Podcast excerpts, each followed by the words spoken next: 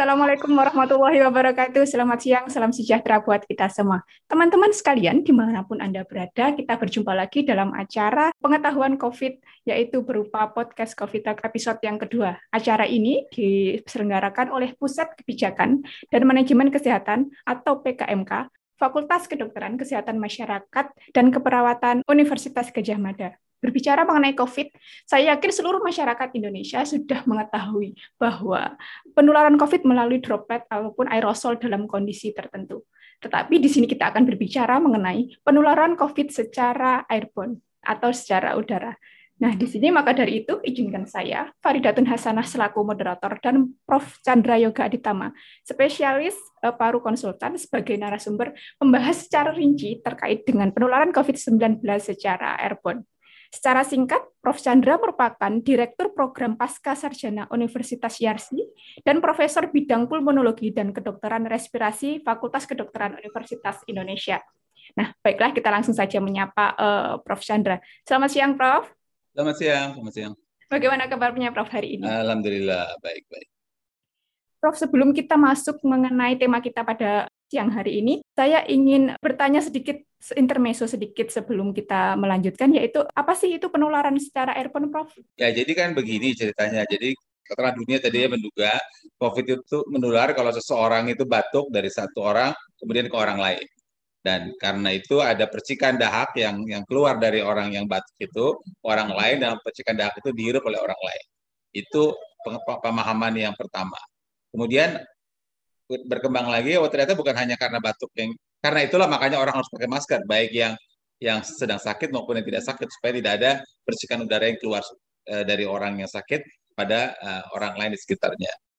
Kemudian berkembang lagi, oh ternyata bukan hanya itu cara penularannya. Nah, ini sebenarnya bukan hanya COVID juga uh, pada beberapa penyakit yang lain. Jadi ternyata bisa juga percikan dahak yang keluar itu tidak langsung masuk ke dalam uh, uh, saluran napas atau dihirup oleh orang lain, tapi dia juga bisa nempel di permukaan, misalnya di meja atau di pegangan pintu atau di tombol lift dan sebagainya.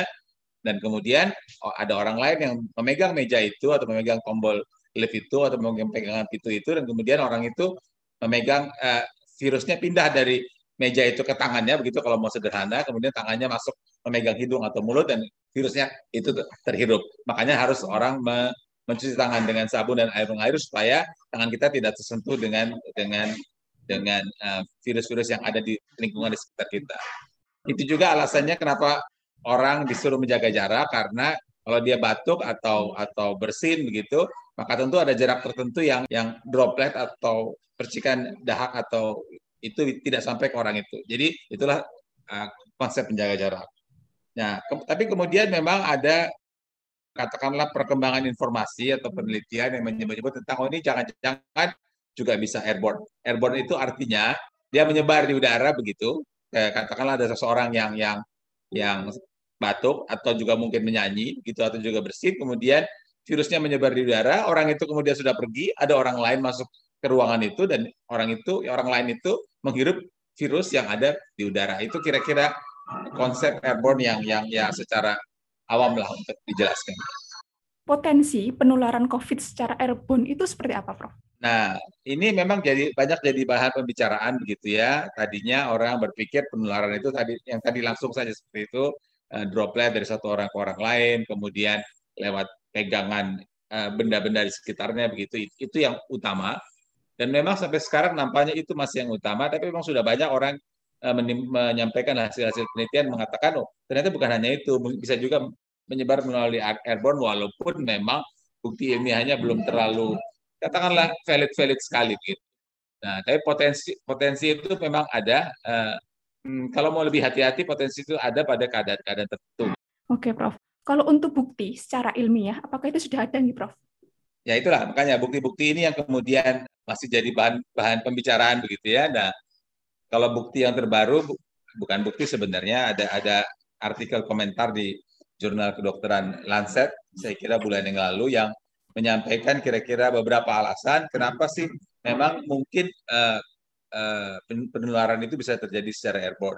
Misalnya dia bercerita tentang uh, super spreader orang yang pertama kali bukan pertama kali orang yang menyebarkan ke banyak orang uh, penyakit COVID-19 ini terjadi di ruang tertutup sehingga artinya penyebarannya tidak langsung dari batuk tapi juga menyebar melalui uh, udara yang seperti saya sampaikan tadi contohnya paduan suara. Juga ada uh, bukti ilmiah lain yang membandingkan dua orang yang berada di ruangan yang berbeda tapi berhubungan ruangan itu, baik ini pada manusia dan juga uji klinik pada binatang yang menyebutkan bahwa ternyata ruangannya berbeda, tapi kalau ada saluran udara maka itu bisa juga terjadi penularan uh, eh, COVID-19. Juga ada uh, bukti ilmiah lain yang menyebutkan bahwa kita bisa menemukan di udara tertentu begitu adanya virus COVID-19 bahkan juga bisa ditemukan uh, virus COVID-19 di saluran-saluran yang Eh, saluran-saluran yang tertentu itu beberapa bukti ilmiah yang ada. Uh, tetapi ini, ini masih bukti-bukti ini masih terus digali dan saya kira beberapa kesepakatan yang sudah ada saat ini adalah antara lain kalau memang ada jumlah aerosol yang banyak sekali keluar begitu, katakanlah pada waktu dilakukan tindakan-tindakan kedokteran, kalau orang sesak napas itu dilakukan namanya nebulisasi, dimasuk, di, diberikan sungkup, kemudian diberikan uh, uh, obat begitu yang merangsang pernapasannya supaya saluran napas terbuka sebenarnya maksudnya ya. Tapi kemudian orang itu bisa batuk-batuk mengeluarkan aerosol yang banyak. Nah itu memang mungkin menular. Jadi satu yang yang yang jelas adalah kalau memang ada tindakan-tindakan kedokteran tertentu yang membuat uh, uh, aerosol banyak di udara itu mungkin yang kedua kalau ada dalam ruangan tertutup jadi uh, uh, kalau menurut FDA misalnya dalam keadaan-keadaan khusus di mana ruangan tertutup tidak ada ventilasi yang memadai, kemudian ada orang masuk dalam situ dan orang ini kebetulan COVID-19 dan kemudian dia batuk-batuk dalam ruangan itu, dan kemudian orang itu keluar dan ada orang lain lagi yang masuk, bukan tidak mungkin penularan secara airborne itu terjadi. Jadi itu kira-kira situasi perkembangan saat ini memang ada beberapa bukti ilmiah yang yang ditampilkan, tapi juga ada lebih banyak kesepakatan yang mengatakan yang jelas kalau di ruangan tertutup memang itu jadi hal yang perlu dapat perhatian kita. Oke, Prof luar biasa sekali. Prof untuk selanjutnya nih, apakah penelitian tentang penularan COVID secara airborne ini sudah ada di Indonesia nih, Prof? Di, di Indonesia saya terus terang belum pernah baca. Mungkin saja ada teman-teman yang sudah melakukan penelitiannya, tapi saya sendiri sih belum pernah baca. Tetapi ada atau tidak adanya di Indonesia, saya kira yang penting buat kita bukti-bukti ilmiah yang ada di, di, di berbagai belahan dunia ini menunjukkan bahwa Eh, kewaspadaan perlu memang ditingkatkan pada terutama pada ruang-ruangan tertutup yang tidak ada ventilasi yang baik, juga pada tindakan-tindakan khusus uh, di fasilitas pelayanan kesehatan di klinik dan rumah sakit. Oke, Prof untuk misalnya nih sudah terbukti penularannya melalui airborne, apakah nanti COVID lebih mudah menular ketika dia sudah terbukti penularan tersebut melalui airborne? Ya, yang jelas sekarang COVID-nya sudah berjalan setahun lebih begitu ya. Nah, situasi perkembangan penularannya seperti sekarang ini. Jadi kita bisa lihat bahwa selalu ada banyak faktor yang menyebabkan sesuatu sesuatu keadaan itu menjadi membesar, penularan makin banyak dan sebagainya. Jadi tidak ada satu faktor yang yang yang yang yang tunggal ya. Eh, itu satu. Yang kedua, eh, ini kan penyakitnya setahun umur ya, setahun belum ada setahun setengah gitu, ya. sehingga memang benar bahwa ilmu pengetahuan akan masih terus berkembang, sehingga, sehingga kita akan lihat gimana bukti-bukti uh, di hari-hari kemudian. Tapi yang ketiga, kalau toh penularan airborne itu sudah ada, maka dia akan akan sudah ada dari dari dari beberapa waktu tertentu begitu ya. Jadi situasi sekarang memang mungkin gabungan dari beberapa aspek yang mungkin terjadi pada pada berbagai jenis penularan yang yang ada di masyarakat. Kalau untuk cara kita menghindari supaya potensial penularan secara airborne itu tidak terjadi itu seperti apa, Prof? Ya, itulah makanya tadi yang selalu dianjurkan oleh banyak pihak juga terakhir oleh WHO juga dianjurkan di Indonesia ini adalah memang ruangan dengan ventilasi yang terbuka. Ya, jadi kalau kita ada dalam satu ruangan sebaiknya memang jendelanya dibuka. Gitu.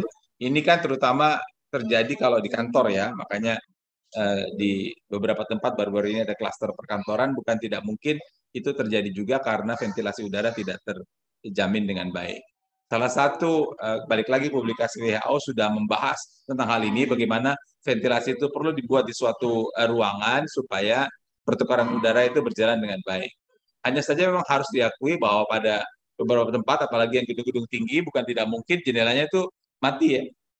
Tidak bisa dibuka karena itu harus ada pengaturan-pengaturan yang lain mesti melibatkan teman-teman dari ahli teknik lingkungan bagaimana pengaturan udara itu bisa terjaga dengan baik dan gimana supaya jumlah orang di dalam satu ruangan itu tidak tidak melampaui batas yang diperlukan sehingga penularan tidak terjadi. Jadi modifikasi-modifikasi teknik lingkungan jadi sangat penting di sini.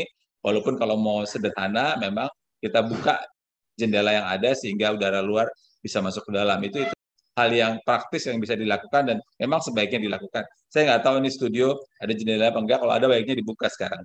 Oke, siap, Prof. Untuk selanjutnya, Prof, apakah ini sebagai suatu tanda atau alarm untuk kita lebih berhati-hati apabila ini memang benar-benar terjadi airborne? Sebenarnya COVID-19 itu sampai sekarang masih berkembang begitu kita tahu situasinya naik turun naik turun sekarang sedang naik lagi kalau bicara acara global jadi, jadi ada atau tidak adanya airborne maka kita harus masih sangat berhati-hati terhadap COVID-19 gitu ya. Ini situasi yang yang yang masih belum menentu kita belum tahu secara pasti bagaimana perkembangannya ke depan. Jadi kalau bicara hati-hati untuk COVID-19 memang masih terus harus hati-hati baik di masa kini dan saya kira masih dalam waktu beberapa waktu mendatang kita masih harus penuh dengan kewaspadaan dalam dalam hal COVID-19. Oke, Prof. Ini sebelum kita uh, akhiri ini, Prof. Ini ada beberapa uh, tolong Profesor memberikan pesan singkat untuk teman-teman sekalian, saya dan lain sebagainya, untuk masyarakat umum tentunya terkait dengan uh, COVID-19 ini. Apalagi sekarang kondisinya proses mudik itu sangat tinggi sekali. Monggo, Prof.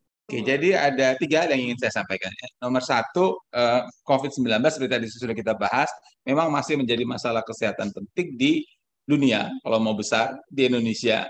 Kalau mau kota, di Jogja, di Jakarta, di Kalimantan, di Sulawesi, semua masih menjadi masalah kesehatan penting. Jadi ini masih membutuhkan perhatian besar kita untuk untuk penanggulangannya dan kita tahu bahwa COVID-19 ini bukan hanya punya dampak ke kesehatan, tapi ke as semua aspek kehidupan. Jadi nomor satu, kita masih perlu terus memberikan prioritas penting pada COVID-19. Itu nomor satu.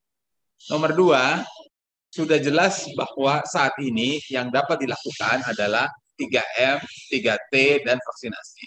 Jadi eh, untuk kita, masyarakat umum, 3M eh, ini harus terus kita lakukan dengan konsisten begitu, tidak boleh kendor kalau pakai bahasa sekarang, terus terus kita lakukan dengan konsisten karena ini terbukti memang menurunkan penularan. 3T yang dilakukan oleh pemerintah juga harus terus ditingkatkan dan 3T itu kan test, tracing dan treatment gitu ya. Nah, untuk tes ini kan angka yang ada sekarang sering kali dilaporkan adalah angka angka nasional. Angka nasional mungkin sudah cukup baik dia sesuai dengan standar tapi kan angka nasional belum tidak menggambarkan situasi sebenarnya karena bukan tidak mungkin ada satu dua provinsi yang yang yang angkanya bagus, sementara provinsi atau kabupaten kota lain angkanya jelek. Jadi sebenarnya harusnya tesnya itu merata di semua, katakanlah di seluruh uh, pelosok uh, Indonesia. Jadi itu yang soal 3T. Dan yang soal vaksinasi, untuk mereka yang sudah divaksin, tetap harus menjaga protokol kesehatan. Sementara untuk mereka yang uh, belum divaksin, kalau ada kesempatan untuk divaksin, harus segera uh, memanfaatkan kesempatan itu. Itu yang kedua. Dan yang ketiga, yang sangat penting juga adalah selain ada pandemi kita berhadapan juga dengan infodemik saat ini gitu ya. Sehingga banyak sekali informasi yang beredar yang sumbernya tidak jelas dan kadang-kadang itu menyebar sangat cepat dan karena sekarang semua orang menggunakan telepon genggam maka langsung masuk ke telepon genggamnya masing-masing dan itu sering kali mempengaruhi pola pikir orang. Jadi saya sangat mengharapkan bahwa kita semua menggunakan atau mendapatkan informasi dari sumber-sumber yang kredibel salah satu di antaranya tentu antara lain podcast dari UGM ini yang itu sumbernya kredibel tentu saja dari universitas yang terkemuka dan atau sumber-sumber resmi dari dari pemerintah dari dinas kesehatan atau dari Kementerian Kesehatan atau Satgas atau kalau mau global sumber-sumber resmi dari WHO. Sumber-sumber yang ada di WhatsApp kita itu uh, belum tentu semuanya benar, jadi baiknya diklarifikasi sebelum kemudian kita dengan mudah menyebarkannya sehingga memberikan katakanlah persepsi yang salah. Jadi tiga hal itu yang ingin saya sampaikan pada kesempatan. Oke, Prof. Ini yang terakhir, Prof. Tambah lagi satu ya, Prof. Nggak apa-apa sebagai kesimpulan dari pernyataan penularan COVID secara airborne. Itu kalau dari Prof itu apa? Yang jelas berbagai bentuk penularan itu sudah terjadi saat ini. Tapi memang banyak penularan yang ada secara langsung itu juga penting. Penularan airborne juga mungkin ada. Ya, apa pun bentuk penularannya, semua bentuk 3M yang kita perlu lakukan harus kita lakukan. Nah, kalau airborne kita tambah lagi dengan ventilasi udara yang baik setiap ruangan yang mungkin kita lakukan dan jangan berkerumun banyak orang di dalam satu ruangan. Oke, apakah saat ini sudah bisa dikatakan kalau sudah ada penularan secara airborne, Prof? Sudah ada tentu saja. Cuman okay. kalau saya beranggapan bahwa ini belum menjadi sumber penularan utama. Bahwa sudah ada memang sudah ada tapi bukan sumber penularan utama. Dan sudah ada itu sudah disepakati oleh berbagai pihak. WHO juga mengatakan demikian, CDC juga mengatakan demikian. cuman dalam keadaan-keadaan tertentu. Terima kasih Prof. Chandra. Ternyata ini waktunya sudah mepet ya Prof. Mungkin ada pesan lagi Prof yang ingin disampaikan? Saya kira sudah cukup. Tadi tiga pesan itu kalau bisa dijalankan oleh kita semua karena ini kan manfaatnya untuk kita semua, bukan hanya untuk untuk masyarakat luas, tapi untuk kita, untuk keluarga kita dan orang yang kita cintai. Oke, Prof. Terima kasih. Uh, saya ucapkan terima kasih kepada Profesor Chandra dan teman-teman sekalian pendengar podcast setia kami. Semoga apa yang telah disampaikan Prof. Chandra tadi menjadi ilmu dan bermanfaat buat kita semua dan menambah wawasan. Untuk teman-teman yang ingin uh, mengakses info terbaru mengenai COVID-19 dapat mengakses website kami yaitu manajemencovid.net. Saya di sini Faridatun Hasanah selaku moderator dan perwakilan dari tim PKMK. Mohon undur diri. Bila taufiq walidaya. Wassalamualaikum warahmatullahi wabarakatuh. Waalaikumsalam warahmatullahi wabarakatuh.